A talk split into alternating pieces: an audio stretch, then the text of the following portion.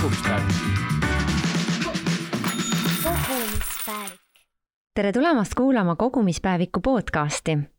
selles podcastis räägime põnevate saatekülalistega sellest, kuidas rahatarkuse trepil ülespoole liikuda ning milliseid põnevaid ja toimivaid nippe nad selleks kasutavad. mina olen Mari-Liis Jääger ja täna on koos minuga kogenud investor Kristi Saare. tere, tere, tere! et aasta kaks tuhat kakskümmend üks on alanud ning aasta alguses annavad ikka inimesed erinevaid lubadusi ja on uute alguste aeg. üks asi, mida sellel aastal võiks kindlasti teha, on võtta oma rahaasjad kontrolli alla ehk saada ülevaade, kuhu raha kulub, kust on võimalik säästa ning äh, kuidas lisasissetulekut teenida. nii saab teha ka esimesed sammud finantsvabaduse suunas ja see tegelikult ongi teema, mida me täna siis äh, Kristiga arutama hakkame. Aga enne veel, kui asume siis tänase põhiteema juurde, teeme väikese mängu. mina küsin sinult kolm küsimust ja sina saad nendele lühidalt vastata. et siis oled valmis? no olen milline oli sinu esimene palk, et äh, mis töö eest ja kui palju sa said? minu esimene töö oli, kui ma olin kolmteist äkki äh, ja mu ema töötas õmblustehis ja siis ma käisin äh, suvel seal kolm päeva abiks õmblemas nööpe, need olid mingid sellised, ma ei tea, mingi köögiseinale käivad mingid riidetaskud, kus olid sellised suured mingid kahe-kolme sentimeetrised nööbid, mida tuli käsitsi õmmelda.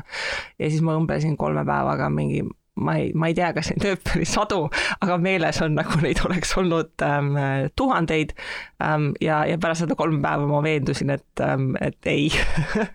mitte kunagi enam ähm,. ja, ja see rahasumma, tead, ma isegi ei mäleta, aga ma mäletan, et kroonides oli see minu jaoks väga palju selles vanuses ja mis sa tegid selle rahaga?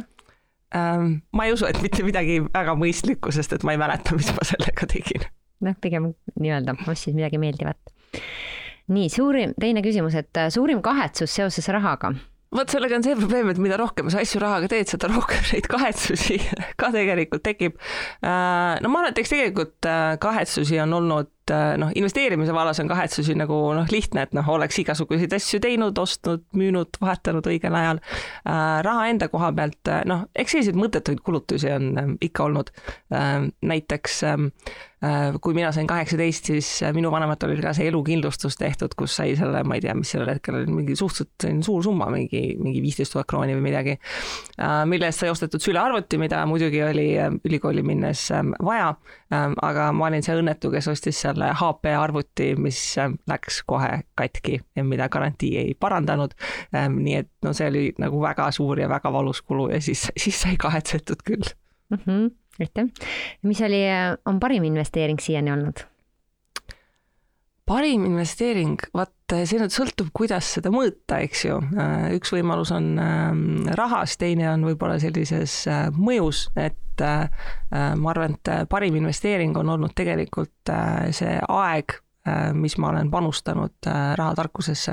et selle, selle tootlus on selles suhtes lõputu, et see, et ühe korra sai, sai pihta hakatud, on siis nüüd rahanumbrites hakanud väljenduma. Uus aasta algus, et äh, oled sina endale mingeid äh, lubadusi andnud? et mida sa see aasta teed teisiti või, või mis sul plaanis on? äh,. mitte otseselt, no jah, teisiti, ma iga aasta luban, et ma olen tublim ja siis ma ei ole. aga äh, ma tegelikult olen küll selline planeerimisinimene selle koha pealt, et äh, ma väga veendunult usun seda, et äh, mida sa kirja ei pane ja eesmärgiks ei sõnasta äh,, isegi enda peas, kui sa seda ära ei sõnasta äh,, siis tõenäosus, et see tehtud saab, on äh, palju-palju väiksem ähm,. ja mida aasta edasi ähm, seda sellise pikema aja perspektiiviga ma olen hakanud planeerima, et jah, et mul on mingid sellised to-do list'id, et mis tuleks see kuu või see aasta ära teha. aga üha rohkem ma planeerin tegelikult sellise mõttega, et mis ma tahaks, et oleks näiteks viie, kümne, viieteist aasta jooksul tehtud. et see nagu võtab hästi palju plokke ära, et paljudel eesmärkidel sa mõtled, et oh, et no see on nii suur asi, et seda nüüd küll nagu kindlasti see aasta tehtud ei saa. aga kui sa mõtled, et no okei okay,, see aasta ei saa, aga aga kui sul oleks viis aastat aega, et mis siis tehtud saaks ja siis sa hakkad nagu hoopis ähm, lennukamalt mõtlema. aga too mõned näited. no minu praegu mm, kõige suurem raha kulutamisplaan on see, et äh, noh, kevadel kodus karantiinis istudes ähm, äh, ja, ja, ja siis ma avastasin, et äh, mul enda meelest, et mul oli nagu suur kodu ja, ja kõike muud, aga kahekesi koos abikaasaga tööd teha ja samal ajal, kui lapse lasteaed oli kinni siis ma olen ikkagi hakanud jõudma sellele mõttele, et mul tegelikult oleks vaja maja ja no vot, see on selline nagu väga-väga suur projekt, mis eeldab aastaid planeerimist Äh, nii et selle ma olen endale pannud selliseks viie aasta eesmärgiks, et see aasta kindlasti ei saa, aga no äkki viie aasta pärast, et noh, ma loodan, et kuidagi siis õnnestub. aga räägime natukene sinu nii-öelda lapsepõlvest ka, et äh, kust sa pärit oled? ma olen äh, Rakverest pärit. Ja, ja millal sa siis ütleme, tulid tegelikult üldse Tallinnasse? ma tegelikult olen ülikoolis, ma õppisin üldse Tartus Ähm, et ma olen äh, Rakverest pärit täiesti tavalisest perest, selleks, et Tartusse ülikooli minna, ma sain küll ähm, tasuta sisse, äh, aga mul oli vaja leida endale töökoht, et ma saaksin lubada Tartusse minekut, et see oli selline esimene suur äh, väljakutse ülikooli tee alustamiseks. ja, ja ma õppisin Tartus ja ma kaks aastat õppisin Tartus ja siis, kui juba ained hakkasid harvemaks jääma, siis ma kolisin Tallinnasse Äh, ja, ja siis ma ei teagi, kui mitu aastat tagasi nüüd oli, ähm, et siis ma ülikooli lõppu käisin niimoodi korra nädalas, sõitsin Tartusse aineid tegema ja, ja tagasi, ähm, et äh, noh, mul ei olnud otseselt nagu eesmärki, et ma peaksin nüüd tulema Tallinnasse, aga lihtsalt Rakvere oli väga väike ja siis, kui ma Tartus õppisin, siis ma sain aru, et ma olen seda tüüpi inimene, kellel meeldivad suuremad linnad ja kiirem elutempo, et Äh, tartlased, kes kuulavad, saavad kindlasti kurjaks, aga ma olen see inimene, kes kui Tartus tänaval kõnnib, siis mõtlen, et miks te kiiremini ei kõnni autoga on vahel sama tunne mulle tegelikult endale ka väga Tartu meeldib, aga, aga jah, nad natukene on erinevad linnad. aga kas sa siis juba ülikooli ajal käisid ka tööl? Äh, ja, ja äh, ma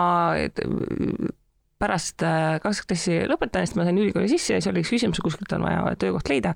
ähm,. siis noh, nagu noh, ma olin kaheksateist, ma ei osanud mitte midagi, eks ju, et noh, see on see keskkooli diplom ähm,. aga, aga ma hakkasingi otsast uurima, et mida ja kus teha ja siis mul oli üks tuttav, kes tegeles ähm, äh, telesaadete tõlkega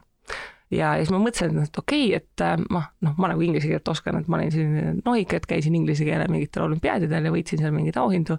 Ähm, ja siis ma kirjutasin neile, mis oli minu jaoks nagu kaheksateist aastat nagu mingi täielik eneseületus, ma kirjutasin no täiesti naiivselt ka, noh tere, et ma kuulsin, et teil on selline tore ettevõte, et noh, et teil nagu noh, et mul siin üks tuttav töötab, et et noh, et tahaks ka teile tööle tulla. Ähm, ja siis nad kutsusid mu proovipäevale Äh, milleks ma siis pidin Tallinnasse sõitma selleks äh, proovipäevaks ja siis ma pidin ühe nagu telesaate tõlke ära tegema, et siis näidata neile, et, et mida ma oskan. Ähm, ja, ja siis sellest saigi minu selline lisatöö, mida ma ülikooli ajal tegin, mis oli selles suhtes tore, et seda sai arvuti taga teha, et äh, noh, teine variant oleks enam-vähem see, et lähed kuskile ettekandjaks, mis need tavalised sellised ähm, tudengitööd on. Ähm, et siis mina tõlkisin telesaadete subtiitreid,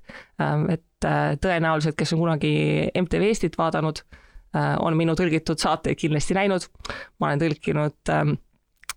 fun fact, ma olen muuhulgas tõlkinud peaaegu kaks hooaega Beavis and Buttheadi wow. noh wow. ja, ja History mingeid teise maailmasõja mingeid asju ja selles suhtes selliseid ähm, päris selline huvitav kogemus oli. et läbi selle tegelikult ise ju ka õpid, et äh, kui sa selliseid saad, mingi noh, teatud ja no ütleme ja, et ma ilmselt tean nagu teise maailmasõja tankide mingi süüteküünalde probleemidest rohkem, kui mul tõenäoliselt elus seda päriselt, äh, päriselt vaja on. Ähm, aga jah, niimoodi ma ennast nagu läbi ülikooli elatasingi, et, et tõlkisin neid telesaateid, et see lubas äh, finantseerida Tartus elamist.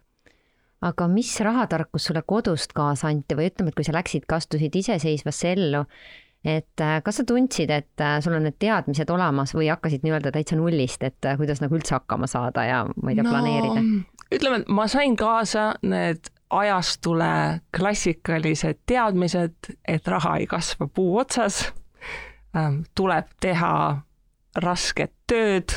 et noh, võlg on võõra oma, no ühesõnaga, no sa kujutad ette, et noh yeah,, nagu yeah. noh, see, mida me kõik tegelikult saime mm. -hmm. ja, ja noh, mingid sellised asjad on olemas, investeerimine, et see investeerimine on kuidagi kätte kätte saada või et noh, mis asjad on krediitkaardid ja kuidas need toimivad, et noh, see oli ikka nagu väga must maa. et ma olin keskkoolis küll seda noh, võib-olla päris paljudele see algusraamatut, seda Kiyosaki Rikas isa, vaene isa olin lugenud, aga noh, seal oli see probleem, et sa loed seda raamatut ja siis ta kirjutab, et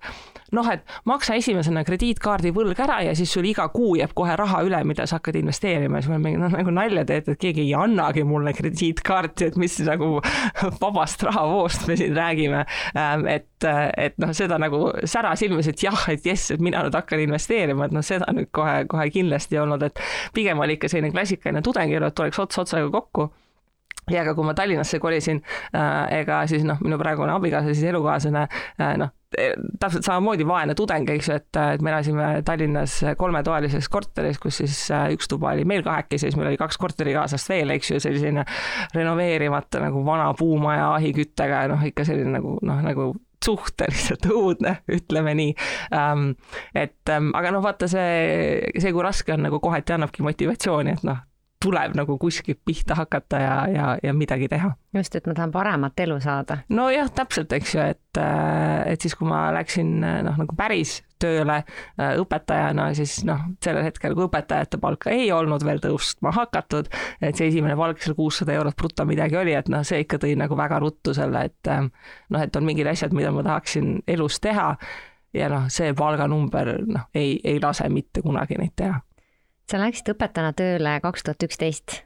Äh, jah, jah, kaks tuhat üksteist. ja mis õpetajaks hakkasid? Äh, no tegelikult ma alustasin äh, peamiselt inglise keele õpetamisega, aga, aga sealt kõrvalt, kuna äh, ma olen tegelikult hariduselt üldse riigiteaduseid õppinud ja, ja, ja, ja sealhulgas ka mingeid majandusaineid juurde võtnud, äh, siis mulle pakuti, et noh, et kas sa oleks ikka nõus, et seal koolis oli selline majandussuund, et noh, et me otsime just õpetajat, kes oleks nagu nõus ka neid majandusaineid nagu andma ja siis ma ütlesin, noh, et, et miks mitte, et võin ennast proovile panna. et ja minu käe alt on peamiselt käinud inglise keele õpilased läbi, et kooli ajal ka Äh, ma lisaks siis keskkooliõpilastele, et ma olen ka täiskasvanutele õpetanud inglise keelt, et, et nüüd on jäänud see, et ma enam inglise keelt üldse ei õpeta, et käin äh, siis niimoodi kuuvarjutusena koolis äh, ainult rahatarkust õpetamas aga kuidas oli, et sul olid õpetaja palk, väike sissetulek, ma ei tea, kuidas su abikaasa sissetulek siis oli, et? ei, ei olnud ka, ei olnud muljetavaldav ähm,. aga see oligi niimoodi, et äh, noh, laias laastus sellises ähm, rahatarkuse valemis on nagu mitu komponenti, mida sa mõjutada saad, et noh, see kõige esimene on see, et säästa rohkem ma ei olnud nii nutikas, et, et ma suudaksin sealt enam midagi, midagi reaalselt säästa, eks ju, noh, et no tõesti ei saagi. ja, ja siis noh, ongi see, et mida sa teed, noh, kas sa küsid palka juurde, noh, ma töötasin õpetajana, noh, õpetaja riiklikult paika pandud miinimum, noh, ei saa niimoodi, et ma löön jalaga direktori ukse lahti, et no nii, et noh, olgu olla, et ma õpetan nüüd viiskümmend protsenti paremini, et noh, palun tõstke palka, et noh, lihtsalt ei saa, et ainus variant oli see, et noh, et sa tapad ennast selle koormusega ära, et seda ma ka proovisin, see, see ei toiminud. ja, ja siis tuli ka hakata seda teist poolt vaatama, et kas kuidagi on võimalik siis sissetulekut suurendada. see, sellest tõlkimise otsast mul selleks hetkeks oli, oli äh, natukene kõrini, aga mõtlesin, et noh, et kui ma siin nagu õpetan, et noh, mul kompetents on olemas, et äh, on ju igasuguseid keeltekoole ja, ja asju ja siis ma seal õpetamise kõrvalt äh, ma, ma tõlkisingi kohati mingeid tekste aga ma läksin üle ka täiskasvanute õpetamisele, et ma olen äh, õpetanud siin äh, no eri, erinevas ettevõtetes noh, inimesi, kellel ongi inglise keelt vaja, et äripartneritega suhelda, olen ka üks-ühele õpetanud noh, näiteks ka mingeid selliseid keskastme, tippastme juhte, kellel ongi noh, väga oluline, et nad suudavad ennast ametlikus situatsioonis hästi väljendada, et et minu tugevus keele õpetamisel oligi see, et ma oskasin väga hästi inimesi sellisteks standardiseeritud eksamiteks ette valmistada, et mu õpilased said said, väga häid eksamitulemusi ähm,. aga et ma äh, suudan inimesi õpetada ka päriselt julgelt rääkima ja, ja vestlema. ja, ja ma tegutsesingi selle nimel, et mul oleks mingit lisatööd, mida teha, sest et see oli see raha, mida sai reaalselt siis säästa ja, ja kuskile suunama hakata. aga kas te hakkasite kohe kahekesi niimoodi koos äh ka tegema, ma ei tea, eelarvet, vaatama oma kulusid või käis see pigem niimoodi, et igaüks vaikselt omaette? no siin oli no ütleme siin kulude vaatamisega oli, oli see, et kuu lõpus raha ei olnud, noh, et planeerimist sa tahad, noh, kuu lõpus lihtsalt nagu üleliia palju seda, seda raha ei olnud ähm,. aga, aga õnneks me oleme abikaasaga kogu aeg nagu väga sellist ühte meelt olnud, et sellised suured eesmärgid ja, ja plaanid me oleme läbi rääkinud äh,. kui me siia Tallinnasse kolisimegi, et noh, me arutasimegi seda, et noh, et, et noh, kuule, ei taha nüüd korterikaaslastega koos nagu elama jääda, et, tahaks osta oma kodu, selleks on vaja sissemakse äh, noh, ükskõik kui pisikese, aga et oleks enda oma, eks ju, et sul on vaja koguda sissemakseraha Äh, tahtsime siiski abielude pulmapidu ka pidada, selleks, selleks ka veidikene raha koguda, eks ju. Ähm, et sellised äh, suuremad plaanid said äh, läbi räägitud ja nendeks sai siiski ühiselt kogutud ja, ja vaadatud kriitilise pilguga igasugused majapidamiskulud ja üürid ja, ja muud asjad üle mm. -hmm. et sa oled öelnud, et sa oled saanud nii-öelda nüüd finantsvabaks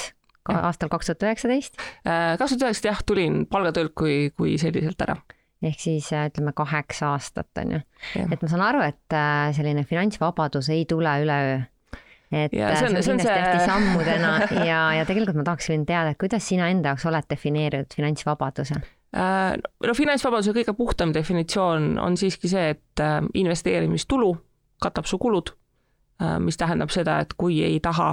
enam mitte kunagi tööle minna, siis ei peagi muidugi seal on noh, need tingimused noh, mõistlikkuse piires, et kui sa juhtumisi tahad kümme tuhat eurot kuus kulutada, siis noh, siis raha saab ikka otsa ähm,. aga no minu jaoks esimene kõige suurem selline nagu eesmärk teel finantsvabadusse oli see, et ma tahtsin, et investeerimistulu oleks nii suur, et ta kataks ära minu kodulaenumaksed noh, sest see on ühe inimese eelarvest kõige suurem kulu reeglina ja see annab selle kindluse, et ükskõik, mis juhtub, noh, et su kodu on, on sul alati alles, alles. -hmm ja noh, siis sealt edasi, et noh, igasugused igapäevakulud, toit, riided, riided, mis iganes.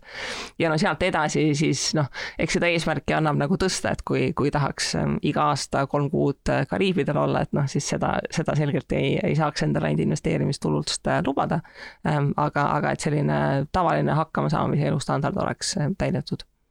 aga kuidas need esimesed sammud on, et noh, mulle tundub, et need esimesed sammud ja sellised eduelamused on võib-olla natuke sellised väiksemad, et see hakkab mingi mida aeg edasi, seda rohkem hakkavad, ütleme ka investeeringud sellised äh, võimendusega tööle. ja no vaat seal ongi see probleem, et intuitiivselt ähm, me suudame liitintressi väga halvasti nagu visualiseerida, et investeerimise puhul noh, see põhiprobleem ongi see, et noh, kõik ütlevad, jaa, et liitintress on väga võimas ja töötab sinu nimel.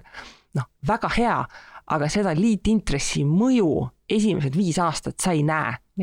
esimesed viis aastat või isegi rohkem sinu portfell kasvab eelkõige selle summa võrra, mis sa ise paned sisse. et noh, see võtab lihtsalt aega, et jah, sa võid selle Exceli tabeli teha ja vaadata, et no näed, kolmekümne aasta pärast tuleb igakuiselt selline raha, et noh, kukub pikali, ei oskaks ära kulutada. aga noh, alguses ongi need sammud on sellised, et noh, aasta aega tegutsed ja siis mõtled, et oh, kus see liitintress noh, nagu, kus see liitintress nüüd on, eks ju.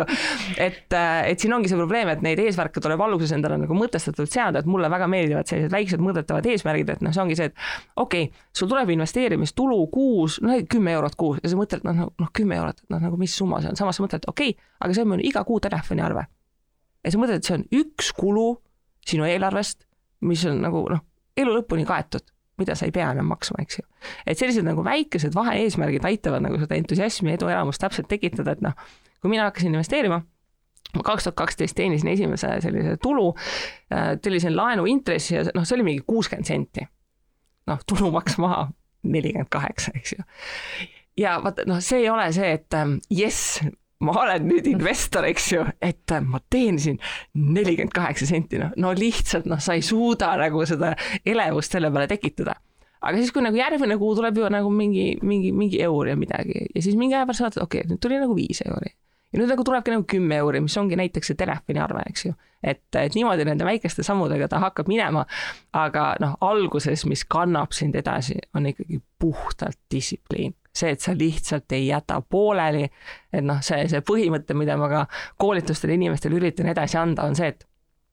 aeg möödub niikuinii. et noh, siis noh, might as well do it, eks ju, et noh, hakka siis tegema, aeg läheb niikuinii mööda, aga siis sul on võimalus lihtsalt aasta, kahe või viie pärast olla nagu meeldivalt üllatunud äh, ja, ja tänulik sellele, et see, see mineviku mina tubli oli ja midagi tegi kusjuures ma ise olen just mõelnud, et äh, need summad tihti ei annagi, kui alustad väikeste summadega, et pigem vaadata nagu seda protsenti, et mõtledki, oh, kuus protsenti teenisin, okei okay,, viiskümmend kolm senti näiteks on ju, et noh, vaata see protsent on kuidagi nagu annab kuidagi sellise suurema numbri tihti. ja no vaata, seal on see probleem, et poes arveid siiski maksavad eurod, mitte protsendid. et, et see ongi see probleem, et jah, et sa, sa võid vaadata, et noh, et vau, et äh, noh, tegin väga hea investeeringu, viisteist protsenti tootlust, aga noh, lõpuks pangakontole nagu ikkagi laekub nagu euro viiskümmend, eks ju. et, äh, et noh, see ongi see koht, et äh, sa pead välja mõtlema, et mis see on, mis sind motiveerib, et noh, inimesi noh, investeerimise eesmärk ei ole raha, et jah, noh, kaudselt on, et ma tahan, tahan teenida raha, ma tahan, et mu portfell kasvaks, mis iganes. see eesmärk on midagi muud mis see on, mida sa oma elus tahad teha. Ähm, ja, ja need eesmärgid võivad olla väga erinevad, ähm, minu puhul ma võin nagu täiesti siiralt öelda, et näiteks õpetajana töötades kõige suurem miinus oli see, et tunnid hakkasid kell kaheksa. ma, ma ei ole hommi-, ma ei ole nagu üldse hommikuinimene ja see, et ma pidin mingi pool seitse ärkama ja siis ma pidin kell kaheksa nagu särama õpilaste ees nagu see ei olnud nagu mina, eks ju. ja päriselt ka minu jaoks nagu üks väga oluline motivatsioon sellesama finantsvabaduse saavutamisel on see, et äh, ma ei taha hommikul kell seitse üles ärgata. Tõusen, millal nagu tegelikult no, ma tõusen, millal tahan ja, ja noh, see ei ole see, et ma nüüd magan nagu kaheteistkümneni, eks ju, aga see ongi see, et nagu noh, ma tahaks näiteks ärgata kell kaheksa, aga kui sa töötad nagu standardsel kaheksast viieni töökohal, siis see valik ei ole sul mitte kunagi laual ja, ja noh, ma olen inimestelt kuulnud noh, igasuguseid eesmärke, minu meelest nagu see üks lemmikeesmärke, mida ma olen kuulnud, on see, et tahaks poest osta ilma süütundeta neid ready to eat avokaadosid et sa ei pea kodus istuma ja, ja ootama, millal valmis saab. jaa, aga vaata, see ongi see, et ta on tegelikult nagu noh, ta võib tunduda tobe, aga ta on väga hea eesmärk, sest ta on nii konkreetne ja, ja nii saavutatav ja ta on selline nagu noh, ehe ja siiras, et no näed, et sul ongi see avokaado käes ja sa saadki ta kohe võileiva peale panna, eks ju. et, äh, et tuleb nagu välja mõelda, et mis on see eesmärk, et noh, ongi, kes tahab raamatuid lugeda, kes tahab prantsuse keelt õppida, kes, kes tahab, kes tahab reisida, eks ju. inimesed kujutavad ka ette, et need eesmärgid peavad olema mega suured, et minu eesmärk peab olema ümber maailma reis. Mm. no, no ei no, võib, võib-olla on ju, aga siis juba pigem olla, väiksemaks teha seda asja. ta võib olla, aga, aga kõik, kes on reisinud, teavad, et reisimine võib väga väsitav olla. et äh, eesmärk võib ka olla see, et noh, ma tahaksin lihtsalt nagu ma saaksin kodus rahulikult istuda ja raamatut lugeda, et maailmas on väga palju raamatuid, eks ju, selleks on aega vaja, et nad läbi lugeda. et, et tuleb leida see eesmärk, mis, mis sind motiveerib, et ükskõik kui,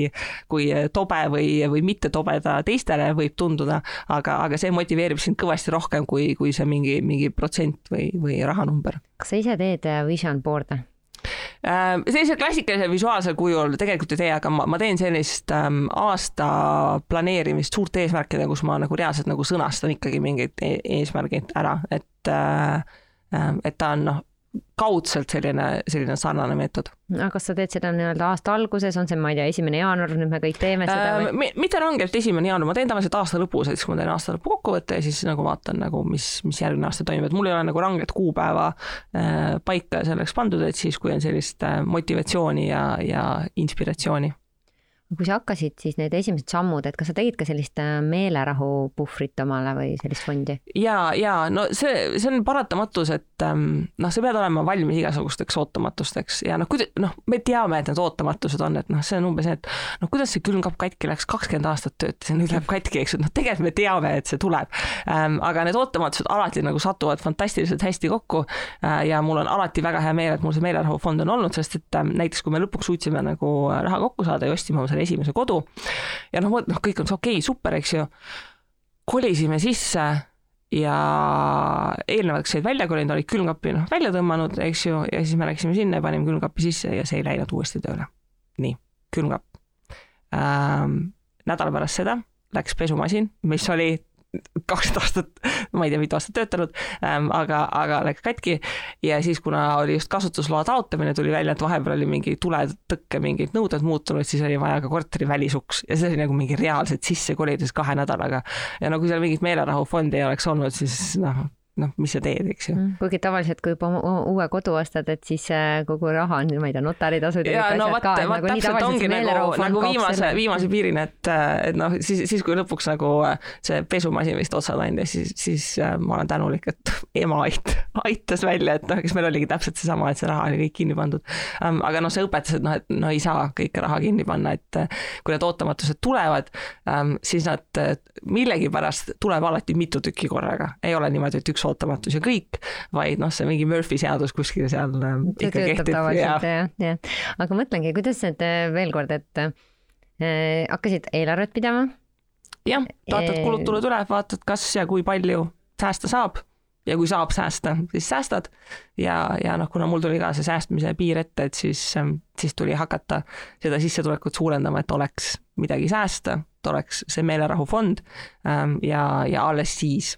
saad sa tegelikult investeerima hakata. kas sa kasutad mingit äppe või Excelit või kuidas sina seda eelarvet ma olen kasutanud erinevaid variante, tegelikult äh, mul on äh, kodukulude jaoks spetsiifiliselt, mul on äh, Excel, kus mul on tõesti aastast ähm, kaks tuhat kaksteist, kaks tuhat kolmteist, kui meil oli esimene kodu reaalselt nagu track itud kõik igakuised kulud ja asjad. Ähm, ja, ja ongi mingid vahetatud mööbel ja kõik sellised asjad väga põhjalikud ähm, selliste nädalamenüüde asjade koha pealt äh, ma olen väga selline digisõbralik inimene, et mulle meeldivad need pankade need automaatsed sorteerijad, ähm, jah, et äh, kuna mul üldiselt ei ole sellist impulss kulutamise probleemi, et ma olen selle lahendanud sellega, et ma lihtsalt kannan raha pangakontolt ära kui mul on pangakontol raha, siis mul tulevad igasugused mõtted, mida sellega võiks teha. selleks, et seda probleemi ennetada, siis ma kannan selle raha ära ja, ja siis üldiselt ähm, ei ole probleemi, et, et kulutamine mingeid piire ületaks, et siis ma lihtsalt vaatan siin kuu lõpus või, või noh, paar korda kvartalis, et äh, mis need numbrid seal näitavad, et, ähm, et noh, midagi nagu äh, õnneks väga üllatavat äh, tavaliselt ei näita aga kas sa kannad selle raha kohe kuu alguses ära, kui, või ma ei tea, kuidas sinu see sissetulek äh, tõenäoliselt ei ole nii, et ja, no, jah, praegu... palgatööl enam ei käi, aga noh, alguses oli, onju. Äh, muidu oli jah, ikkagi kohe palgapäeval, et noh, mis, mis on, mis on, ja, mis on silma alt ära, see on nagu mm, -hmm. nagu läinud. Ähm, et noh, mul kui nagu investeerimisfanatil on muidugi ähm, noh, see tavaline probleem on see, et ongi, et raha on otsas, et kõik on ära investeeritud. Ähm, et äh, et see on niimoodi aja jooksul paika loksutanud, et praeguseks ma kasutangi, ma arvan, sellist nagu kõige seda laisemat eelarve planeerimise meetodit, mis ongi see, et sul on kontol summa selle kuu kuludeks ja noh, kui, kui on otsas, siis on otsas, eks ju, ähm, siis rohkem see kuu kulutada ei saa. Siis meie osa paned siis kohe mingi investeerimiskontole kuhugi? Ähm,? ja, ja et noh, mul on üldiselt selline paika pandud investeerimisstrateegia, et mis varaklassidesse, kuhu, kuhu ma raha tahan äh, paigutada ja, ja siis niimoodi üldiselt kuu alguses, kuu lõpus, kuidas ma numbreid kokku võtan, et siis, siis seal tegutsen, et et noh, inimesed kujutavad ette, et investeerimisel peab nagu noh, megalt timmima ja igapäevaselt uurima, puurima ja tegelema, aga ma olen selleks liiga laisk inimene. et ma olen endale sellise portfellistrateegia ka teinud, et piisab, et kui ma korra kuus käin, kannan mingeid asju, et kui ma tahan, siis ma käin vahepeal vaatamas, nagu tegutsen, aga et, et korra kuus sellistest püsimaksetest ja asjadest täitsa piisab mm. -hmm. ehk siis tegelikult seesama A ja O, et me vaatasime, küsisime aasta lõpus äh, kogumispäeviku inimestelt ka, et kuidas nad on suutnud äh, raha säästa, et mis need parimad nipid on, siis tegelikult toodi sama välja, sama hästi välja just seesama, et äh, teine pangakonto on ju, või et kasutada ka pankade poolt, mis on need selline rahakoguja või noh, et kaardimaksetelt ümardamine, et, et saad nii-öelda väikseid summasid kõrvale panna ja et seesama, et kõigepealt maksa iseendale. Et.... no vaata, klassikud on klassikud põhjusega, eks ja, ju, sest, sest nad toimivad, sellepärast, sellepärast neid samu asju soovitataksegi ja nüüd me jõuame tegelikult sinu portfellini, et äh, kuidas äh, täna sinu portfell välja näeb, et äh, mis varaklassid sul seal on ja, ja, ja kui palju sa nii-öelda igapäevaselt tegelikult sellega tegeled mm.? no ma tegelen peamiselt lihtsalt sellepärast, et kuna minu noh, töö ja iga, noh, töö, ettevõtlus, noh, selline igapäevased hobid on lihtsalt investeerimisega seotud. Ähm, kui, kui ma ei tahaks sellega igapäevaselt tegeleda, siis äh, ma olen enda portfelli üles ehitanud niimoodi, et, et tegelikult ei peaks igapäevaselt äh, tegelema. Ähm, et saab paari tunniga kuus äh, tegelikult hakkama. aga ma olen selline, noh, pigem sellise konservatiivse joonega investor, et need põhitõed, et riski saab maandada hajutamisega, et seetõttu on mu portfellis ka igasuguseid erinevaid investeeringuid, et ähm, iga aasta noh, kõige konkreetsem eesmärk on noh, esiteks see kolmanda samba viisteist protsenti, et noh, see on lihtsalt nii võimas, et äh, ka mina täidan selle kõige esimesena ära. Ähm, sealt edasi ähm, investeerin aktsiabörsidele nii Baltikumis kui ka USA-s, kui ostan indeksfonde ise juurde, siis ähm, annan välja laene äh, nii ühisrahastuse kaudu kui ka siis otse ettevõtetele. Ja, ja olen siis portfelli riskantsem osa on mingite sellistes idufirmade ettevõtete osalustes ja, ja lisaks äh, siis ka kinnisvara, et äh, sõpradega koos on meil ühine ettevõte, kus äh, haldame siis mõningaid üürikortereid, et selline varaklasside see klassikaline kolmnurk on, on täitsa esindatud. Kas idufirmadesse sa investeerid otse või ka läbi mingi platvormi? Ehm, ma olen läbi Funderbeami sealt osalusi võtnud, et ma olen ise seal ka kahte kampaaniat juhtinud ja, ja noh, mõni asi kuidagi, kui sa investeerimisega tekid, siis lõpuks hakkavad mingid pakkumised, asjad liikuma, et mõni selline osalus või, või laen on ka, ka otse ettevõtetesse antud, et äh, investeerimine, kui sa tahad sellist natukene mitte klassikalisi asju enda portfelli võtta, on äh, ikkagi väga tutvustepõhine et sa suhtled inimestega ja siis ühel hetkel hakkavad pakkumised liikuma, et kuule, keegi teeb siin seda, teist või kolmandat, et kas sa oleksid huvitatud panustama, laenama osalusest ja, ja nii edasi. ma mõtlen veel aktsiate peale, sa ütlesid Balti turult ja siis ka USA-st, et äh, kas sul on nii-öelda eelnevalt analüüsitud ära mingid aktsiad ja siis sa niimoodi vaikselt kogu aeg ostad või ootad sellist äh, ostukohta ja siis ostad või, või kuidas sul see strateegia paika on pandud ähm,? ütleme nii, et ähm, ma olen, ma olen ähm, väga halb börsiajastaja ja mul, noh vaata osadel inimestel on nagu mingi selline tunnetus börsi suhtes, mul ei ole. Äh, ja, ja ma olen nagu katsetanud aastate jooksul, ei ole seda tunnetust tekkinud. Ähm, et mul on paika pandud selline üldine strateegia, et ähm, mis ettevõtteid, mis valdkondi, mis osakaalus ma tahan ja enam-vähem siis, kui, kui meelde tuleb, teen äpi lahti ja, ja ostan, et ma kannan iga kuu sellise enam-vähem sarnase summa peale ja, ja siis ähm, kuu jooksul vaikselt ähm, teen, teen need ostud ära, et ähm, kui kuu lõpus veel raha kontol üle on, siis, siis tuleb ära kulutada aga kas äh, need on sellised pikaajalised investeeringud või pigem on sellised lühiajalisemad või pigem on see, et ma ostan ja hoian forever? Äh, ma olen pigem selline ostan ja hoian forever jah, sest et selle osta, müü ja kauple strateegiaga on, on see probleem, et no sa pead päriselt jälgima äh, mis eeldab, et noh, et sul on seda aega ja, ja ressurssi, et noh, praegu olles nagu realistlik, et mul on kaks last, kellest üks on kuus kuud vana ja, ja kes öösel ei, ei maga ähm,, siis sellel hetkel, kui börsil olulised äh, hinnaliikumised toimuvad, siis ma tegelen tõenäoliselt nutva lapsega ja, ja magan selle hetke maha. et äh, ma mõnikord teen mingi sellise kauplemistehingu, aga ähm, noh, kauplemine on selline asi, mida sa pead nautima et sa vaatadki, et nagu oh, nii äge, et hind liigub sinna-sinna ja uurin, et mis toimub, särki-värki. ja noh, mul ei lähe lihtsalt süda selle peale nagu puperdama, et ei, ei tekita mingit erilist ähm, elevust. no mitu erinevat aktsiat sul on äh,? kümmekond ega tegelikult, kui neid on oluliselt rohkem, ega sa ei jõua ju kogu aeg silma no, peale. ja, ja täpselt, et noh, lõpuks see infokogus, mis sa pead läbi töötlema, läheb nii suureks, et noh, ma olen nagu mingi asjad läbi analüüsinud, ma vaatan, et see ettevõte, nende visioon, missioon, tegevusvaldkond pikas plaanis mulle meeldib ja ja ega praegu ka minu portfellis äh, ähm, noh, börsiportfellist äh, laias laastus noh, pool on üksikaktsiad ja, ja pool on indeksfondid, mille eelis ongi see, et noh, sa, sa ei pea neid ükshaaval äh, valima või jälgima, lihtsalt paned püsikorralduse käima ja, ja asi toimib. kas see on pigem, ma ei tea, sektoripõhine või veel laiem? Äh, sa mõtled indeksid, indeks, veel laiem, maa, see kogu maailma aktsiad, sest noh, see sektorite edulugude ennustamine on ka nagu noh, võib minna täppi, võib ka mitte minna täppi, eks ju, et ähm, et pikas plaanis ähm, see siht, äh, seda turu keskmist saada on, äh, on jätkuvalt nagu väga-väga hea siht. aga kui palju sa ikkagi igapäevaselt sellele aega kulutad, et ma ei tea, vaatad, mis börsil, kas üldse iga päev vaatad, mis toimub? tegelikult ei tule iga päev meelde. et, et ma olen selles inforuumis küll igapäevaselt lihtsalt, kuna ma olen seotud nii mitmete rahatarkuse investeerimise valla projektidega, aga ega kui on äh, niisama kiire päev või, või niisama istun kodus, loen raamatut või, või, või teen midagi, et äh, on ka päevi, kus ei ava börsikontot või ei logi ühtegi ühisrahastusportaali sisse ja, ja ei ole ka sellest midagi katki mm..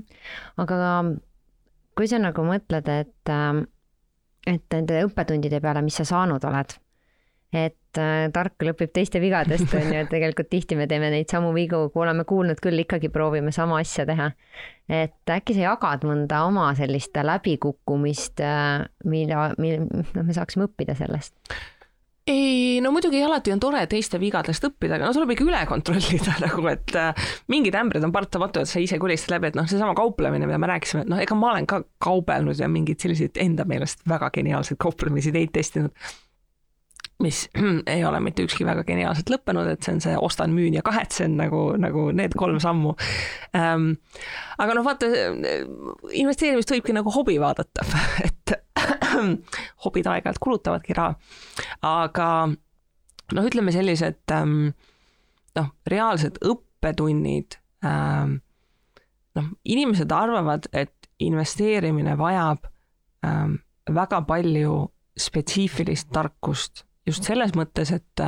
et sa pead oskama väga hästi matemaatikat, et sa pead oskama Excelis mingeid valemeid kokku panna, ähm, et sa pead lugema kõiki majandusest aruandeid, börsiuudiseid, mida iganes. ja muidugi väga tore, kui sa seda teed ja väga tore, kui sa seda naudid, aga nagu noh, oleme ausad, nagu enamik inimesi nagu ei tee ja, ja ei naudi. ja noh, ma olen ka siin vahepeal mõelnud, et noh, peaks nüüd olema nagu natukene tublim ja lugema siin natuke majandusaasta aruandeid rohkem ja kõike muud, eks ju ähm,. aga mis tegelikult viib sind investeerimise edasi, on ikkagi nagu noh, väga konkreetselt number üks on distsipliin mis seesama, et alustad on ju. seesama, et jaa, et sa alustad, sa paned paika, panen iga kuu raha kõrvale või noh, suunan kuskile, ma ei tea, kasvama, et sa päriselt teed seda, et sa päriselt teed seda ka siis, kui need numbrid on seal punased,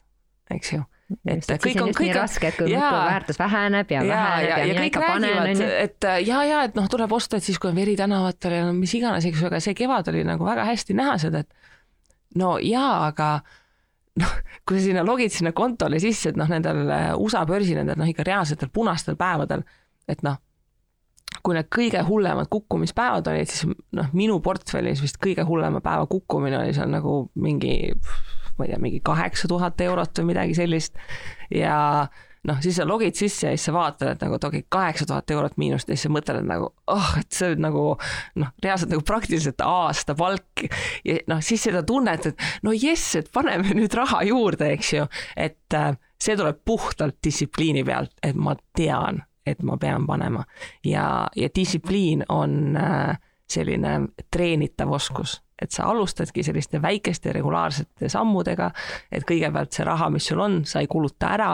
see raha, mis on puudu, selle sa teenid juurde ja, ja selle juurde teenitud raha, et sa siis päriselt ka suunad kasvama ja, ja siis, kui on mingid rasked hetked, siis, siis sa jätkad selle plaaniga. et noh, väikeinvestoreid on äh, väga läbi ja lõhki siin äh, teadusuuringutes uuritud ja minu arust number üks järeldus on see, et kõige suurem probleem on see, et üles ütleb närv et kui sa käid neid punaseid numbreid vaatamas, siis ühel hetkel see närv ütleb üles. ja ka minu postkast märtsikuus oli umbes nendest inimestest, kes kirjutasid, et kas nüüd ongi maailma lõpp ja, ja kas nüüd oleks pidanud kõik maha müüma. Mis sest, et kõik on noh, kümme aastat kuulnud seda, et kui tuleb ükskord see allahindlus, siis tuleb osta, aga noh, inimloomus ja, ja emotsioon ja noh, muidugi nagu kaotusvalu, et vaatad neid punaseid numbreid, noh ikka nagu ajab nagu meelemurruks ju küll aga hästi tihti minu meelest äh, sellel hetkel ongi, et mida sa vastad neile tegelikult ja, ja need inimesed, kes ei ole enda jaoks võib-olla läbi mõtestanud või, või saanudki tunda seda langust, siis äh, ongi see, et, et sa pead enda jaoks nagu läbi mõtlema ja aru saama ja ka tunnetama, on ju, et no, teoorias me teame yeah., aga päriselus ongi seesama või sa jääd veel tööst ka ilma, et noh, vabandust, ma tõesti enam ei taha siia juurde panna, on ju. aga vaata, see ongi see, et kui ei tahagi, noh, kõige vanem, vaata kriiside puhul on see, et Äh, noh, nad on vaata nagu trammid, tuleb järgmine, et äh, sellest kriisist õppetunde saab järgmine kriis kasutada mm. -hmm. No, et, et sa seekord tundsid ikkagi. nagu reaalselt, et kui valus on ja sa nägid, kuidas sa käitud, et äh, noh, vaata ujuma õppimiseks tuleb ka nagu päriselt nagu basseini sukelduda, eks ju. investeerimisega on samamoodi, et noh, ma näen ka inimesi, et noh, et sa võid lõputult neid raamatuid lugeda, aga see, milline investor sa oled ja see, kuidas sinu emotsioonid saavad hakkama, see selgub alles siis, kui päris raha mängus on. et noh, kasvõi see esimene sada eurot juba see, kuidas sa sellega käitud, et äh, ma olen inimesi näinud küll ja küll, kes on katsetanud eri varaklasse ja, ja siis nad on lihtsalt mingi natukene tegutsevad ja siis nad saavad aru, et see ei ole üldse neile, et noh, mõne inimese jaoks see börsi kõikumine ongi nagu liig või mõne inimese jaoks laenu andmine, et noh, solvubki, et mis mõttes nagu keegi võttis laenu ja ta ei maksa tagasi. või noh, kõik me oleme kuulnud kinnisvara koha pealt, et noh, kuidas mõni inimene, tal on tühi kinnisvara, mida ta ei suuda üürile anda, siis ta kujutabki ette, et see üürnik hakkab seal kohe pidu pidama ja seina auku puurima ja mida iganes muud tegema, eks ju, et, et sa saad teada, milline investor sa oled tegutsedes ja, ja sa saad paremaks investoriks, analüüsides seda, mida sa tegid. et need inimesed, kes kevadel näiteks noh, tegidki tagantjärgi väga valed otsused näiteks, et nad müüsidki märtsi põhjas ja nad siiamaani pole sisse ostnud, aga neil on võimalus nagu saada see õppimiskogemus, et okei okay,, minu närv ei pidanud vastu, ma teen oma strateegia selliseks, et ma ei saa emotsionaalselt otsustada, vaid ma panengi näiteks paika, et see summa iga kuu panengi püsikorraldusega ja ei lähegi näppima. sest ma tean, ja ei vaatagi sinna, sest ma õppisin seekordsest kogemusest, et see ei tule mul välja. et äh, probleem ei ole see, et sa investeerides teed vigu, probleem on see, kui sa nendest vigadest ei õpi ja järgmine kord paremini ei tee mm. -hmm. aga nüüd sa oled äh, nii-öelda finantsvaba, et äh, mida sa igapäevaselt äh, täna teed? no praegu kasvatan lapsi ähm,. aga ei, mis ma teen? no tegelikult mulle ikkagi väga see finantsvaldkond äh, meeldib ja, ja ma praegu tegelen ettevõtlusega, sest et äh, see on selles suhtes ka väga põnev ähm,. ja, ja mida ma igapäevaselt teengi, et noh, inimesed kindlasti näevad mind väga palju sotsiaalmeedias hängimas, et äh, olen asutanud sellise asja nagu Naisinvestorite klubi mis sai nüüd sügisel kuueaastaseks, mille eesmärk on siis eelkõige naisi julgustada rohkem investeerima, sest kahjuks naisi investeerib suhteliselt vähe teeme koos äh, Tauri Alasega sellist podcast'i nimega Investeerimisraadio, mis nüüd ka vist kuueaastaseks saab, et oleme kakssada pluss osa rahatarkusest, investeerimisest ja varaklassidest rääkinud ja, ja väga paljud äh, tublid Eesti investorid ja ettevõtjad ja firma asutajad on meil külas käinud ja, ja sellele lisaks ma kirjutan ise enda blogi, Kristi investeerib nime all enda sellist investeerimiskogemusest, teisi inspireerida ja julgustada. ja, ja sealt ongi välja kasvanud see, et ma, ma koolitan päris palju inimesi, et ma teen nii alustamise koolituse äh,, ma olen käinud väga paljudes ettevõtetes sisekoolitusi tegemas, mulle väga meeldib see, et ettevõtted äh, sellele lisaks, et lihtsalt kõiki tööga seotud oskusi õpetada äh,, tahavad enda töötajatele ka rahatarkust edasi anda nüüd selle pensionireformiga seoses olid väga-väga kiired ajad. ja, ja siis ma ise nagu noh, sellele kõrvalt mõtlengi igasuguseid muid projekte, mida teha, et kui ma töölt ära tulin, siis ma olen see inimene, et kui mul tekib vaba aega, siis mul tekib kohe idee seda täita. kui ma tulin äh, kaks tuhat üheksateist töölt ära, siis ma mõtlesin, et mm, tegelikult võiks midagi teha ja kuna ma olen ise kirjutanud äh, raamatu, siis ma mõtlesin, et aga äkki võiks teisi häid raamatuid ka kirjastada, nii et mul on nüüd oma kirjastus ähm, sellise rahatarkuse ettevõtluse fookusega, et just siin aasta lõpus sai kogumispäevikus ka Äh, mõned raamatud välja loositud, et äh, just sellised äh, head, julgustavad ja, ja inspireerivad raamatud. ja, ja noh, kõige viimane projekt, mis just värskelt läks välja, et hakkasime teise investori Katariina Tindiga koos tegema sellist sotsiaalmeediakontot nimega Raha Aabits kus on siis eesmärk on, et kui inimene tuleb nagu sinna nagu finantstarkuse investeerimise nagu maailmasse, siis noh, kahjuks väga paljud meist ei ole kodust ega koolist sellist ähm, finantstarkust kaasa saanud ja et noh, väga sellist tõesti, et, et sa hakkad nagu investeerimise kohta lugema ja no ma olen seda alustajate koolituselt ka seda tagasisidet nii palju saanud, inimesed, ma ei oska isegi midagi küsida, sest et ma ei tea, mida kõik need sõnad tähendavad. termineid ei tea või seesama isegi juba neto ja bruto on ju. ja ongi, et ongi neto ja bruto ja siis kohe noh, noh, pension, mille kohta kõik peaksid midagi teadma, siis hakatakse mingitest NAV-idest ja vahetusavaldustest ja no ühesõnaga noh, neid asju on nagu nii palju ja siis me mõtlesimegi, et ähm, selline hea nagu kergelt sellised igapäevased rahatarkuse tükikesed, et kuna me kõik ähm, sotsiaalmeedias siin vahepeal scroll ime, et hakkaks neid seal jagama, et äh, äh, sageli on mingid asjad, mida inimesed nagu nad on kuulnud ja nad täpselt ei tea, mida see tähendab või mingid väljendid, mida nad ei olegi üldse kuulnud ja nad ei teagi, et nad võiksid seda teada. et see on selline hea selline ka nikerdamise projekt, et kes tunneb, et noh, et tahaksin natuke midagi õppida, võib selle äh, kontot jälgida, et jookseb tal iga päev midagi sinna, sinna newsfeed'i või siis vahepeal saabki käia surfamas, vaatamas, et ah kuule, et siin oli, oli nagu see, see mõiste, et ja et mis asi see, see, see täpselt oli, et ähm, ja niimoodi need sellised ähm, projektid ähm, tekivadki. tahaks küsida selle naisinvestorite klubi kohta, et üldse on tegelikult selline mm -hmm. nagu kuidagi hoiak, et kuidagi investeerimine, mehed et, äh, et millest see mõte, ma saan aru, et sealt tuligi see ajendatult, et äh, fokusseeriks naistele, et kas naised on nagu teistsugused investeerijad kui mehed? no ma käisin ähm, ise alguses mingitel üritustel ja koolitustel ja suhtlesin foorumites ja mul nagu lihtsalt jäi nagu silma, et noh, kus need teised naised on. et äh, ma olen nagu täiesti veendunud, et naised tegelikult võiks ju ka tahta investeerida ja rikkaks saada. ja, ja ma veidikene uurisin seda tausta ja noh, tegelikult seal oligi kahjuks see nagu stereotüüp, et äh, noh, nagu mina mõtlesin, et investeerimisega alustamiseks, et sul peab olema väga palju raha, ma ei tea, et sa peadki juba pangas enam-vähem töötama või olema finantsharidusega ja noh, see lipp sees ja lipp, lipp, lipp sees ja see, see portfelliga neljakümnendates meesterahvas, mis nagu kangastavad, noh tegelikult noh, et see, et see kuvand on kuidagi sisse jäänud, no tegelikult see, see ei ole üldse nii. Ähm, ja, ja noh, minu meelest nagu nii palju neid investeerimisbarjääre on tulnud siin viimase aja jooksul maha, et äh, alustamise summad ja piirangud ja noh, kõik on nagu niivõrd palju lihtsamaks läinud, meil on nii palju head eestikeelset ja saad osta, müüa, ma ei tea, väikeste summadega on ju. et, äh, et meil on väga palju häid eestikeelseid raamatuid juba, meil on, ongi need blogid, Facebooki grupid, mis iganes asjad ähm,. aga noh, ega reaalsus on ka see, et ähm, noh, naistel kahjuks ähm, on sissetulekud keskmiselt äh, väiksemad, äh, naised sageli kannavad peres suuremat äh, laste hoolduskoormust, mis tähendab, et nad saavad vähem, vähem tööd teha, saavad sageli ka vähem riske võtta, et, et oma sissetulekut suurendada. Ja ja noh, jah, kahjuks või õnneks noh, minu meelest see on paremaks läinud, aga, aga alguses see investeerimine oli nagu natukene selline ka Eestis meeste maailm, et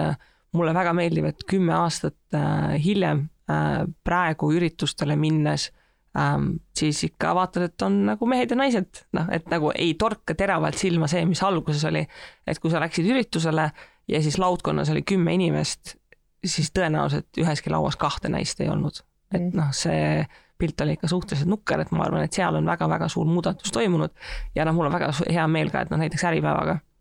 meil on ka hea, hea koostöö ja ka teiste lehtedega, et noh, sageli kurdetakse ka meedias, et noh, et me ei leia neid naisi, kes võtaksid sõna või noh, ma ei tea, et me kutsuksime neid ja, ja mis iganes. Äh,, siis me oleme väga palju tööd teinud ka selle nimel, et need naised on olemas ja neid võiks kutsuda, et me teeme enda üritusi ja konverentse, kus me ka, ka julgustame naisi ise tulema esinema ja otsime neid uusi värskeid naisi välja, keda võiks kuskile kutsuda, selleks et nad ka nagu igasugustele teistele konverentsidele rohkem lava saaksid või et kui ongi mingi ähm, investeerimise raha teemaline artikkel, et siis ei olekski, et äh, annavad kommentaari viis meest, vaid äh, kui ka ajakirjanikul mingit kontakti ei ole, siis äh, väga sageli ajakirjanikud kirjutavad ka mulle, et noh, et ma tahaksin nagu, et kas sa oskad mulle soovitada kedagi, et kes võiks nagu kommentaari anda, et, et muutagi seda, seda kuvandit, et kui on investor, et siis pildil on alati mees, et, et ei, et täiesti vabalt võib olla ka naine ja ja üks nendest põhjustest, miks ka noh, mina olen nagu noh, siin kuidagi nagu niimoodi tuntuks saanud, ongi see, et noh, ma olen nagu selline, ma olen nagu selline maskott nagu kuidagi, et alustas naine noorelt ja nagu õpetaja palgaga, väikese sissetulekuga, et noh, et, et kui nagu tema suutis, et siis nagu noh, et siis nagu mina võiksin ju ka suuta. ja, ja saab samastuda, vaata, et tihti ongi see, et on äh, nii-öelda pangatöötaja kuskil on ju. no see on see, et, et noh, kuidas alustada investeerimised, noh, ma ka alguses nagu noh, et sa võtad Äripäeva ja siis sa loed, et noh, keegi tegi tehingu miljoni euroga ja siis ma, noh, et noh, noh väga tubli. ei, aga, samastu kuidagi aga, sellega on. aga nagu noh, minu esimene investeering oli kümme eurot, sest et mul ei olnud lihtsalt rohkem raha, mida investeerida, eks ju. Mhm. et, äh, et sul on vaja näha neid päris inimesi ja seda ettekujutust, et ongi, et noh, et noh, kuule, nagu natuke sellist vimma, et noh, kuule, kui nagu tema saab, et nagu miks siis mina ei saa mm, -hmm. et ja hakkad vaatama, et noh, aga äkki sa saadki ja ja sul ei olegi enne lihtsalt võib-olla kunagi pähe tulnud seda, et mina ka võiksin, sest noh, me olemegi ringiga tagasi selles alguses, et noh, kui seda rahatarkust ja rahast rääkimist ja kõike seda ei ole, siis noh, mina näen ka seda, et noh, mul on koolitustel, et noh, mul on ka osalenud nagu ka osalejaid vanuses seitsekümmend pluss, kes alustavad investeerimisega ja noh, nad ütlevadki, et aga et mul ei olegi nagu kunagi sellist mõtet olnud või keegi polegi mulle kunagi rääkinud, et mina olnud, saaksin ka üldse sellist asja mm. teha. et äh, see on ikkagi väga noh, noh, mul on nagu see väga hea ülevaade nagu inimeste praktilistest rahateadmistest ja ma võin nagu väga enesekindlalt öelda, et Eestis ei ole mitte ühtegi vanusegruppi, mille kohta võiks öelda, et neil on hea finantstarkus. jah, meil on need sobikesed, aga noh tööd on palju. ja et sellepärast on minu meelest väga head need äh, grupid, et noh, kogumispäevid täpselt samamoodi on ju, et need inimesed, kellel need huvid on, et nad äh, saavad kokku, nad arutavad omavahel, jagavad nippe, kellel on mis mured, kuidas üldse hakkama saada, nõu saada. et minu meelest on väga kihvt ja noh, mida rohkem neid on ja mida rohkem me tegelikult rahatargemaks saame, seda, seda targemaid otsuseid me teeme ja no ja seal ongi see, et vaata neid arutajaid kipub olema nagu vähem, aga ka need kõik, kes passiivselt nagu loevad, et noh, ma mm. nagu mõnikord näen, et noh, mõni inimene loebki nagu kaks-kolm aastat ja Vist siis ühel hetkel mhm. on piisavalt seda julgust ja teadmist, et ahah, et ma nüüd hakkan tegutsema ja noh, see ongi ka see super, et sa saadki nagu noh, passiivselt jookseb seal selles uudisvoos ja niimoodi inimesed isegi ei, ei märka, et kui palju tarkust niimoodi võib äh, külge jääda jaa, et äh, ma ise ka tegelikult kunagi, kui ma olin äh, privaatpanganduses töötasin, mäletan mõne kliendiga, noh, iga aasta korra said jälle kokku, rääkisid investeerimisest, äh, teooriast, ma ei tea, tund-poolteist, midagi ei juhtunud. Ja siis mõni aasta hiljem klient ise helistas, et kuule, teeks nüüd oma esimese investeeringu, et noh, selleks mm -hmm. on vaja aega või kuidagi natukene sellist kindlust. jah, kindlust ja kuidagi sa hakkad nendest mõistetest aru saama, aga jällegi pigem alusta juba täna, tee see väike, kasvõi ma ei tea, kümne eurone investeering, et sa hakkad nägema ja õppima läbi selle, et, et see teooria omandamine on üks, aga tegelikult ikkagi see praktika on teine. aga ma korra tahan veel selle raamatu kohta küsida, et äh, sa kirjutasid raamatu, et äh, kui kaua sul see aega võttis ja kust see idee tuli ja, ja võib-olla ka mõned soovitused, et ma arvan, et on ka teisi kuulajaid, kes mõtleb, oo, et võiks teha raamatu kirjutada, on ju, et, et võib-olla mõned sellised mõtted ja, sellega seoses. Äh, no see raamat äh, tegelikult sündis päris pikalt, sest et äh, ta osaliselt kombineerib kõike seda, mida ma olen aastaid koolitustel rääkinud ja mingil määral ka koolitundides ja need küsimused, mis mulle kõik on postkasti tulnud, et noh, see raamatu vajadus lõpuks tekkiski selles, et noh, inimesed hakkasid nagu küsima mingeid sarnaseid asju, alguses need said blogipostitusteks ja noh, ega ma olen ka üks nendest inimestest, et inimestel kipub olema kaks unistust, kas joosta maraton või kirjutada raamat mina jooksmist vihkan, alati maratoni ma ei jookse mitte kunagi. Ehm, aga raamatu kirjutamine tundus ehm, selline huvitav eesmärk, ma isegi kunagi kooli lõpetasin, panin selle eesmärgi, et ma kirjutan, aga siis ma mõtlesin, et ma kirjutan pigem ilukirjandust. ma olen ehm, sahtlisse kunagi ühe noorteromaani kirjutanud. aga, aga see, et see raamat tuli nagu investeerimise koha pealt kõige parem nipp raamatu kirjutamiseks, mida ma lugesin ja mis minu meelest aitab kõige rohkem edasi, on see,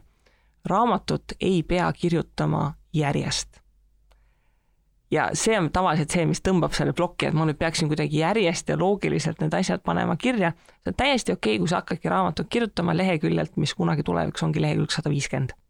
et sa paned sinna selle mõtte kirja, ta on kirjas ja siis sa saad hakata teda toimetama, et äh, kahjuks see kirjutamise põhiprobleem on see, et enne kui sa saad sellest midagi perfektset, peab olema lihtsalt seda musta teksti päris palju. ja, ja kui ma seda raamatu nagu esimesi mustadeid tegin, siis tegelikult ma lihtsalt sundisingi ennast niimoodi, et okei okay,, et nagu Kristin, sa istud nüüd laua taha ja sa kirjutad, noh, ma ei tea, mingi kakssada sõna või viissada sõna. sa lihtsalt kirjutad. ja siis, kui ta on juba kirja pandud, siis sa saad hakata sellega nagu vaatama, et okei okay,, et kas ma tahan seda paremaks teha, kuhu ta täpselt seal raamatus läheks, eks ju, et mingeid selliseid nüansse, et äh, noh, ongi see, et paremaks jooksjaks saada, tuleb trenni teha, et ega paremaks kirjutajaks saamiseks täpselt samamoodi ähm, lihtsalt kirjutada. kaua see aega võttis seal kokku, nüüd ütleme nii-öelda sellest esimesest äh, mm. reast, noh, mõte on nagunii juba, ma saan aru, pikalt ja, ja ma mõtlen, kui mõttest, siis on ikka väga kaua. Ähm,, aga noh, reaalselt sellist kirjutamist ja toimetamist ja ülelugemist ja kõike, noh, neid tunde ikkagi on seal nagu sadu. Aga noh, ta ongi nagu sellepärast pikk periood, et noh, kui sa mingit teksti, no kes on kunagi mingit esseed või tööd, mida iganes kirjutanud, kui sa ise kirjutad mingit teksti, sa ei, kui sa kolmandat korda seda üle loed, sa ei suuda enam sealt nagu mingeid vigu ega midagi leida ja siis see ongi see, et noh, et ma panen ta nagu kuuks ajaks nagu ootele. sa väsid nagu ära ka. ja no endal saab ka ja et nagu ma räägin sellest ja ma, no ma tean, et see on hullult tark jutt, aga nagu kui sa kolmandat korda seda loed, kuidas nagu endal ka nagu imelik juba. Et siis sa panedki selle teksti vahepeal nagu ootama ja siis näiteks kuu aja pärast loed uuesti hoopis mingi, mingi värske pilguga. Ja või siis vahepeal noh, lasedki sõpradel lugeda, eks ju, ja nemad annavad äh, tagasisidet, et et kahjuks või õnneks äh, samamoodi nagu investeerimisega see number üks nõuanne on see, et nagu noh, lihtsalt hakka pihta äh,. siis raamatu kirjutamisega on nagu täpselt samamoodi, et äh, tuleb alustada nendest äh, esimestest mõtetest, sõnadest ja lausetest, noh, vahet isegi pole, mis järjekorras ähm,. aga siis, kui sa juba pihta hakkad, siis, siis see pall niimoodi vaikselt veereb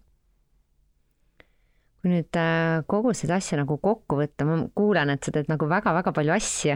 et ongi, ma ei tea, oled ettevõtja, kirjastad, äh, sul on kaks väga toredat last, lisaks äh, Naisinvestorite klubi ja koolitused, et kust sa seda energiat võtad? aga mulle annabki energiat see, et ma teen asju, mis mulle meeldib. et noh, see on minu jaoks nagu see finantsvabaduse noh, põhiidee, et kui ma asju teen, ma ei pea valima, et kas ma saan seda endale lubada, kas ma teenin sealt piisavalt palju raha, äh, vaid ma saangi otsustada, et kuule, et aga, aga see on äge ja mulle meeldib. noh, ma töötasin siiski õpetajana, et mulle haridus tegelikult meeldib, et ma olen hingelt nagu selline maailma parandaja, et et ma olen äh, noh, mingil määral nagu äh, kuna kunagi tegelenud igasuguste selliste noorteorganisatsioonidega ja mingi vabatahtliku tegevusega, et mulle, mulle väga meeldib, et ma saan reaalselt asju mõjutada ja, ja see, mida ma praegu rahatarkusega teen, äh, on mul lubanud reaalselt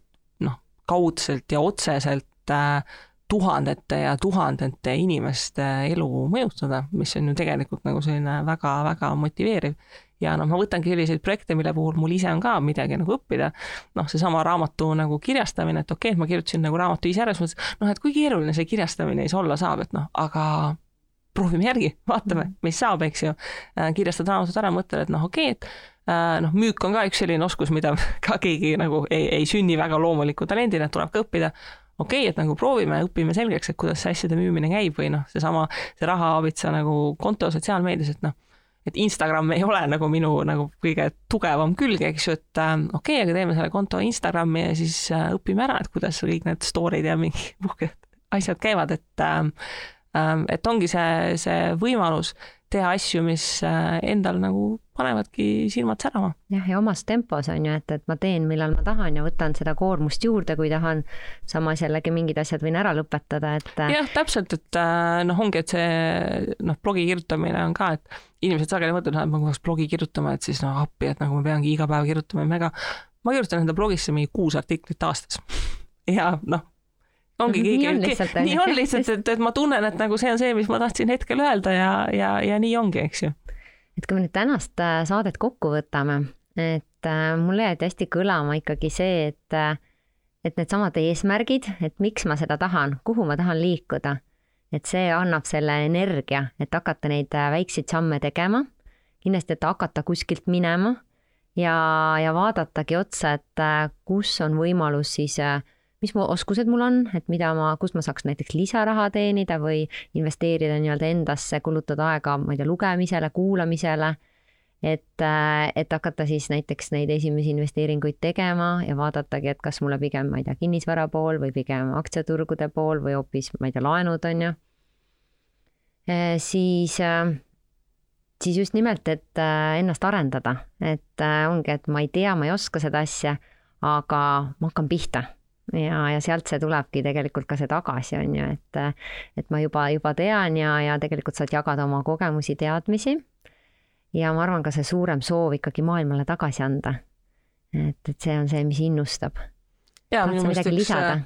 ja minu arust üks lemmiktsitaate ongi see, et on see be the change you want to see, et noh, kui sul on mingi visioon, et kuidas asjad võiksid olla, et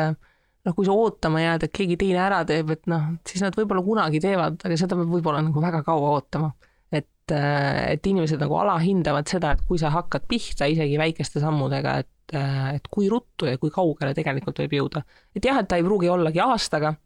et sellepärast ma julgustangi, et eesmärke pigem nagu natukene pikema ajahorisondiga panna, et siis sa hakkad nagu neid ähm, võimalusi nägema, et, et kuidas nende suurte lõppeesmärkideni jõuda. Aga suur tänu, Kristi, saatesse tulemast ja oma kogemusi rääkimast. armsad kuulajad, kes te soovite rahatargemaks saada,